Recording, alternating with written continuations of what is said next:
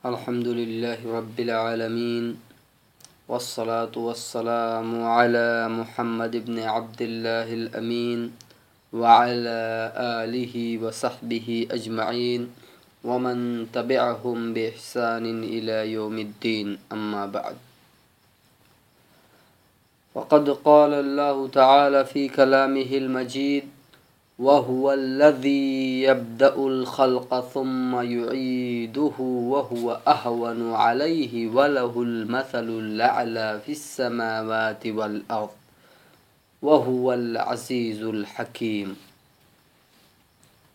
उपस्थित भएका साथी भाइहरू र हाम्रा दिदी बहिनी र हाम्रा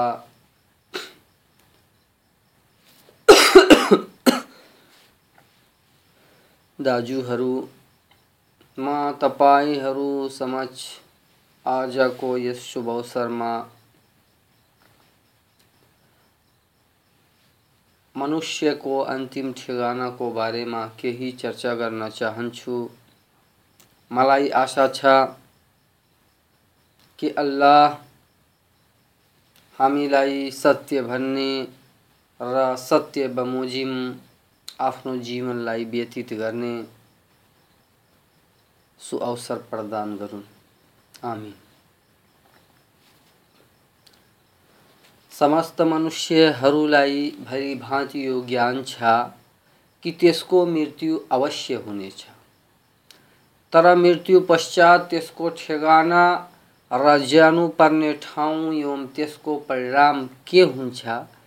के प्रसन्न र प्रफुल्लित हुनेछ वा पीडित र कष्ट भोग्नेवाला छ। र अधिकतम समूह र सम्प्रदाय एवं जातिहरूको यो धारणा रहेको छ कि उनीहरूलाई मृत्यु पश्चात पुनः जीवित गर्नेछ र उनीहरूको कर्मको लेखाजोखा र हिसाब किताब हुनेछ यदि त्यसले सुकर्म गरेछ, त परिणाम राम्रो नै हुनेछ तर यदि त्यसले कुकर्म गरेको छ, भने परिणाम दुःखदायी हुनेछ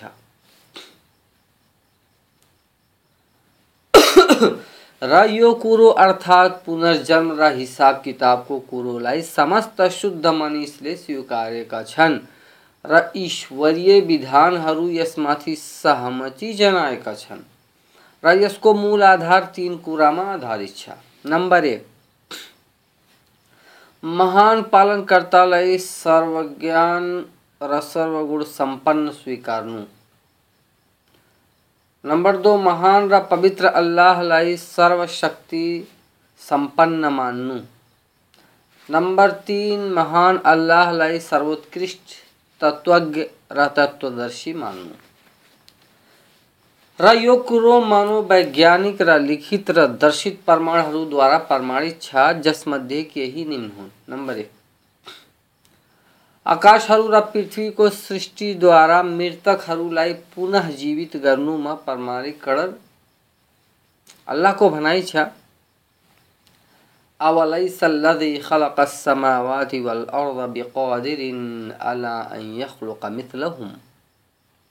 बला वहुवल खल्लाकुल अलिम। अर्थात्, जसले आकाशहरू र धरतीलाई सृष्टि गरेको छ, के उसलाई सामर्थ्य छैन कि उनीहरू जस्तै फेरि सृष्टि गरिदियोस् किन होइन जबकि त्यो महान स्रष्टा अत्यन्त ज्ञानवान छ।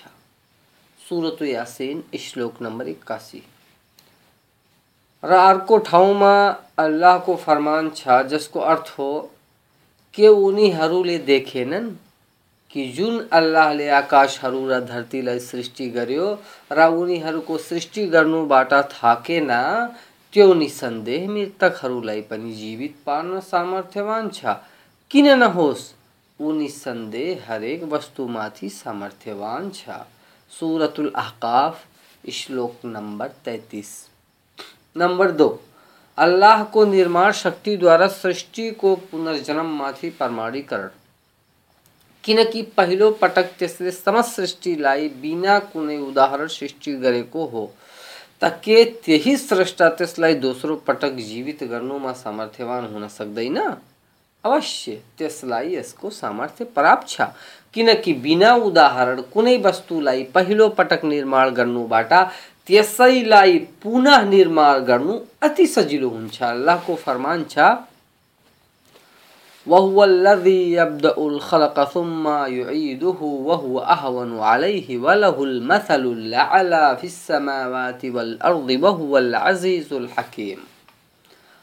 अर्थात रौहित हो जसले सर्वप्रथम सृष्टिको आरम्भ गर्दछ अनि उसैले उसको पुनरावृत्ति गर्नेछ यो उसको निम्ति धेरै सजिलो छ आकाशहरू र जमिनमा उसको शान अर्थात् गुण सर्वोच्च छ र ऊ सर्वशक्तिशाली तत्वदर्शी छ सुरत रोम श्लोक नम्बर सत्ताइस र अर्को ठाउँमा अल्लाहको भनाइ छ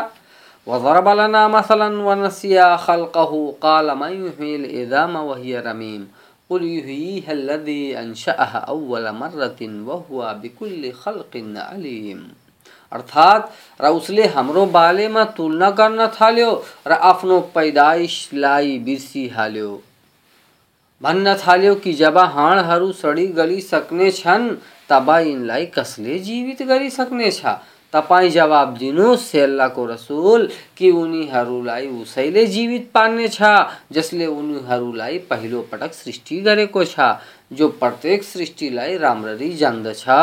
सुरत यासिन, श्लोक नम्बर अठहत्तर, उन्नासी। नम्बर तिन। अल्लाहले मनुष्यलाई यस्तो सर्वोत्तम आकारमा सृष्टि गर्यो, जसमा यो आकृष्ट गर्नेवाला सुन्दर अनुहार र इन्द्रियहरू र विशेषताहरू छन्। र जे जति त्यसमा मांस हाड नसाहरू र मनिस रक्तपिण्ड, आँखा, कान, नाक। र जे जति मानव शरीरमा प्रचलित तथ्यहरू छन्। जुन निर्माणका सर्वोत्तम दर्शन र प्रमाण एवं प्रतीक हुन्, त यसै मानव शरीरको निर्माणभित्र सबैभन्दा ठुलो प्रमाण निहित कि त्यो सर्वोत्कृष्ट स्रष्टा त्यो सर्वोत्कृष्ट श्रेष्ठ त्यसलाई पुनः जीवित गर्नुमा सामर्थ्यवान छ, जसले यसलाई पहिलो पटक सृष्टि गरेको छ।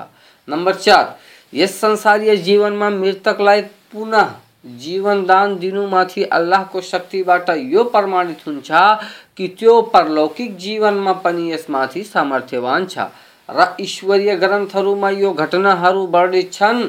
जसलाई अल्लाहले यस धरतीमाथि अवतरित गरेको छ कि अल्लाहले यसै सांसारिक जीवनमा नै मृतकहरूलाई जीवित पारेको छ जसरी हज़रत इब्राहिम र हज़रत ईसाको माध्यमले अल्लाहले यो अनहोनी गरेको छ र अरू धेरै उदाहरणहरू ईश्वरीय ग्रन्थहरूमा वर्णित छन्। नम्बर पाँच। यस्ता कुराहरूद्वारा अल्लाहको पुनः जीवन दान दिने शक्तिमाथि प्रमाणीकरण, जुन पुनर्जन्म र परलोकको चौरमा भेला गर्नु सरह छन्। का अल्लाहले मानवलाई त्यस वीर्यबाट सृष्टि गर्यो जुन शरीरका विभिन्न भागमा छरिएका थिए र यसै कारण शरीरका समस्त भागहरू सम्भोगबाट सन्तुष्टि पाउँछन्। अर्थात् अल्लाहले शरीरका समस्त भागहरूबाट वीर्यलाई एकत्रित गरेर स्त्रीको गर्भाशय तर्फ लगाउँछ। अनि त्यसबाट मनुष्यको सृष्टि गर्छ। त जब अल्लाह यस वीर्यलाई विभिन्न अङ्गहरूबाट विभिन्न तथ्य सामग्री सहित एकै ठाउँमा एकत्रित गरेर मनुष्यको सृष्टि गर्नुमा सामर्थ्य राख्दछ त जब त्यसको मृत्यु हुन्छ त त्यसै सामर्थ्यवानमाथि त्यसलाई पुनः जीवित गरिदिनु र पुनः त्यसलाई एउटै ठाउँमा एकत्रित गरिदिनु गाह्रो किन हुन सक्छ? आफै विचार गर्नुहोस्। अल्लाहको फरमान छ, अफराइतुम मा तुमनून, अअंतुम तख्लुकूनहु अम नहनुल खालिकून? अर्थात्, हेर, जुन तिमीले विधे स्वास्नीमा छाड्छौ के तिमीले त्यसबाट मानिसको सृष्टि गर्दछौ वा हामीले नै सृष्टि गर्दछौ सुरतुल वाकिया श्लोक नम्बर अठावन उन्सठ। खा। बोट बिरुवाका गेडाहरू आफ्ना विभिन्न आकारसहित जब भिजेको पृथ्वी मुनि जान्छन्। र त्यसमाथि माटो र पानीको आधिपत्य भइहाल्छ त मनुष्य दृष्टि यो भन्छ कि त्यो गेडा र बिउलाई त सडेर नष्ट हुनुपर्ने थियो, किनकि पानी र माटो मध्ये एउटै नै त्यसलाई समाप्त गर्नुको लागि पर्याप्त छ। तर त्यो बिउको गेडा, पृथ्वी मुनि पनि सुरक्षित रहन्छ नष्ट हुँदैन अनि जब पृथ्वीको शीतलता अधिक भइहाल्छ त त्यसै बिउको गेडाबाट वनस्पति र बिरुवा उम्रन्छ त के यो प्रक्रिया सशक्त सामर्थ्यवानमाथि प्रमाणीकरण गर्दैन र त्यसको आधिपत्य र तत्त्वज्ञानतर्फ सङ्केत गर्दैन त जसले यस बिउको गेडालाई धरती मुनिबाट क्रमबद्ध तरिकाले उमार्न सक्छ त्यो नै त्यसका विखण्डित र विभाजित अङ्गहरूलाई एकत्रित गर्नु र त्यसलाई पुनः व्यवस्थित गर्न सक्दैन र आफै विचार गर्नुहोस् अल्लाहको फरमान छ अफराइतुम मा तहरुसून अंतुम तजरऊनहु अम नहनु जारिऊन। अर्थात, अनि यो पनि बताऊ, जुन तिमीले उब्जाउँछौ, के तिमीले नै त्यसलाई उब्जाउँछौ? वा हामीले उब्जाउनेवाला हौ? सुरतुल वाक्या, श्लोक नम्बर त्रिसठ, चौसठ। र यसै सरह अर्को ठाउँमा अल्लाहको फरमान छ, जसको अर्थ हो, तिमीले देख्छौ कि जमिन सुकिसकेको बन्जर छ। फेरि जब हामीले त्यसमाथि पानीको वर्षा गराउँछौँ, तब त्यसमा हरियाली हुन्छ र त्यसमा सजीवता आउँछ र यो हरेक प्रकारको रुख बिरुवाबाट शोभायमान हुन्छ। सुरतुल हज श्लोक नम्बर पाँच। नम्बर छ, यो असम्भव छ कि सर्वज्ञानी र सर्वगुण संपन्न अल्लाह ने समस्त सृष्टि लाई निरुद्देश्य सृष्टि गरेको होस् र सबैलाई अलमल अवस्थामा छाडिदिएको होस्। अल्लाहको फरमान छ, वमा खलकन समय अवल अर्द वमा बैनहुमा बातुला।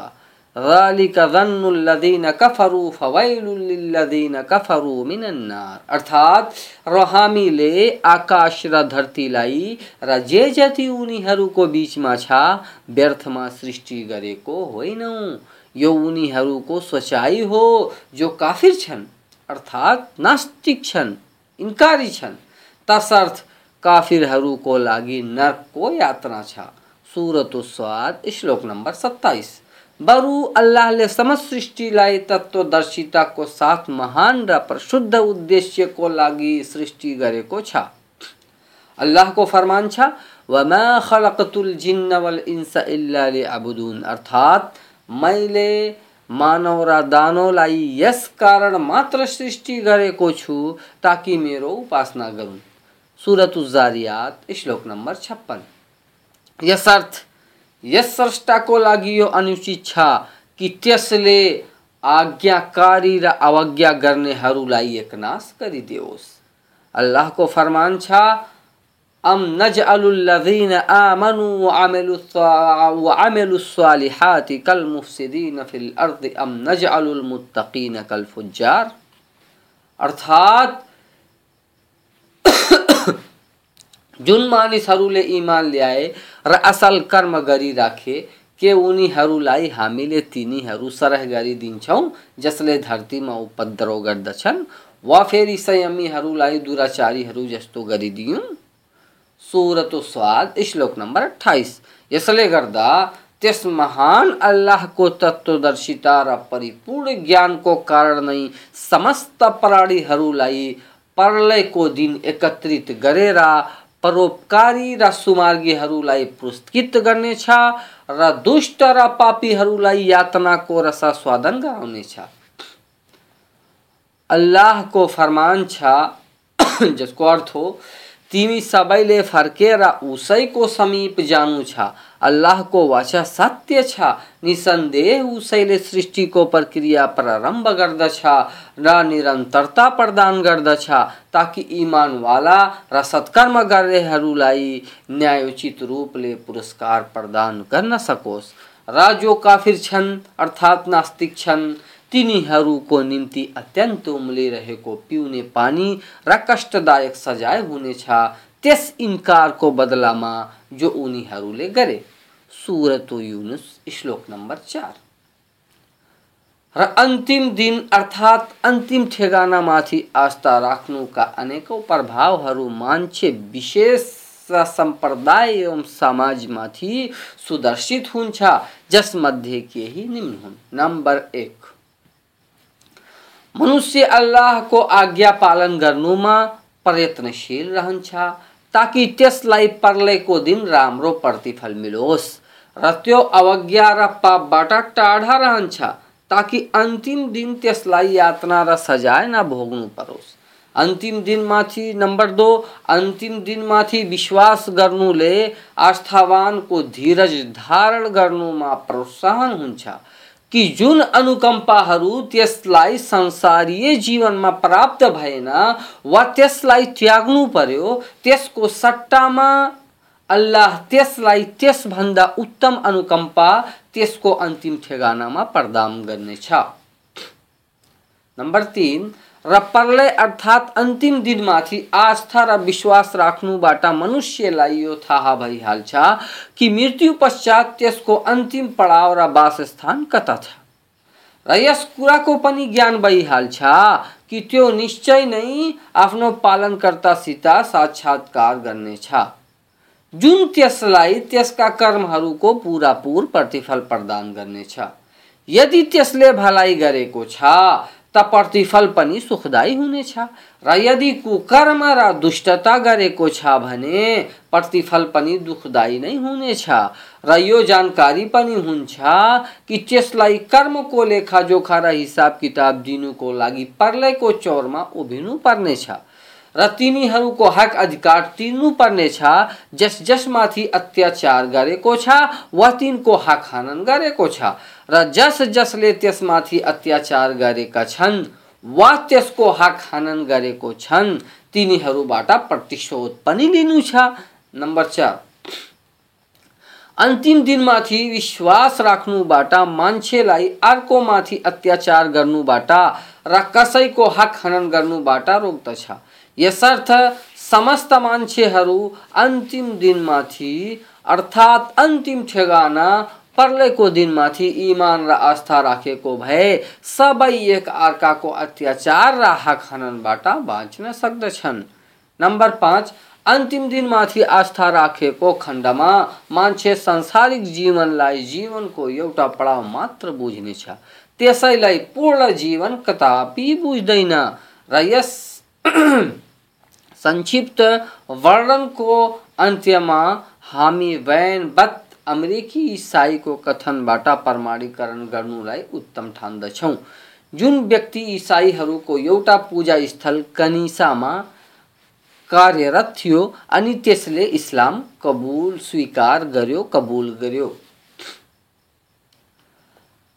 अनि इस्लाम कबुल गरे पश्चात अन्तिम दिनमाथि आस्थाको रसा स्वादन गर्यो। त यस सुमार्गीय व्यक्तिको भनाइ छ, मलाई अहिले ती चार महत्त्वपूर्ण प्रश्नहरूको ज्ञान भयो, जसको उत्तरको खोजीमा मैले आफ्नो अधिकांश आयुलाई अर्पित गरिदिएँ र ती प्रश्नहरू हुन्, म को हुँ र मलाई के चाहिन्छ र मेरो जन्म किन भयो, र मेरो अन्तिम परिणाम के हुनेछ हेर्नुहोस् दावतु सउदिया पत्रिका अङ्क नम्बर सत्र बाइस तारिख उन्नाइस नौ चौध सौ बिस, हिजरी, पेज नम्बर छत्तिस। त यो संक्षिप्त वर्णनबाट हामीहरूलाई यो थाहा हुन्छ कि हामीहरूलाई अन्तिम दिन अर्थात् प्रलयको दिनमाथि आस्था राख्नुपर्छ र अन्तिम ठेगाना स्वर्ग वा नर्कमाथि पनि आफ्नो विश्वास र आस्था राख्नुपर्छ ताकि हाम्रो यो संसारीय जीवन सुखमय रहोस् र हामीलाई केही नमिलेको खण्डमा यो विश्वास रहोस् कि यदि मलाई यस संसारमा यो अनुकम्पा, यो भलाइ मिले छैन त अल्लाह तबारको तआला हामीहरूलाई आखिरतमा अर्थात् अर्को जीवनमा त्यस अनुकम्पाबाट त्यस अनुकम्पालाई दिन्छन् र त्यस अनुकम्पाबाट लाभान्वित हुने सु अवसर प्रदान गर्दछन्। अल्लाह अंतमा, अल्लाह सीता, यो प्रार्थना छा कि अल्लाह हामी सबैलाई इस्लाम धर्ममाथि कार्यरत रहने र त्यसका नियम कानुन बमोजिम कर्म गर्ने सु अवसर प्रदान गरून् र हामीलाई जब यस संसारमा जीवित राखुन्, त इस्लाममाथि जीवित राखुन्। र जब हामीहरूलाई मृत्यु प्रदान गरून् त इमान र आस्थाको अवस्थामा मृत्यु प्रदान गरून्। र अल्लाहसित यो पनि प्रार्थना छ कि हे अल्लाह हामीहरूमध्ये हामी आस्थावानहरूमध्ये हामी मोमिन र मुस्लिमहरूमध्ये जुन हाम्रा भाइहरू बिरामी छन्, उनीहरूलाई उनीहरूलाई हे अल्लाह, आफ्नो दयाले शिफा प्रदान गर, आफ्नो दयाले निको गरिदेऊ। र जुन हाम्रा भाइ बहिनीहरूलाई सन्तान अहिलेसम्म मिलेको छैन। उनीहरू अहिलेसम्म नि सन्तान छन्। उनीहरूलाई आफ्नो कृपाले आफ्नो अनुग्रहले सन्तान प्रदान गर। र हाम्रा ती भाइहरू जुन ऋणी छन् उनीहरूको ऋण आफ्नो तर्फबाट चुक्ता गर। हे अल्लाह, हामी सबैको अन्तिम ठेगाना स्वर्गलाई बनाइदेऊ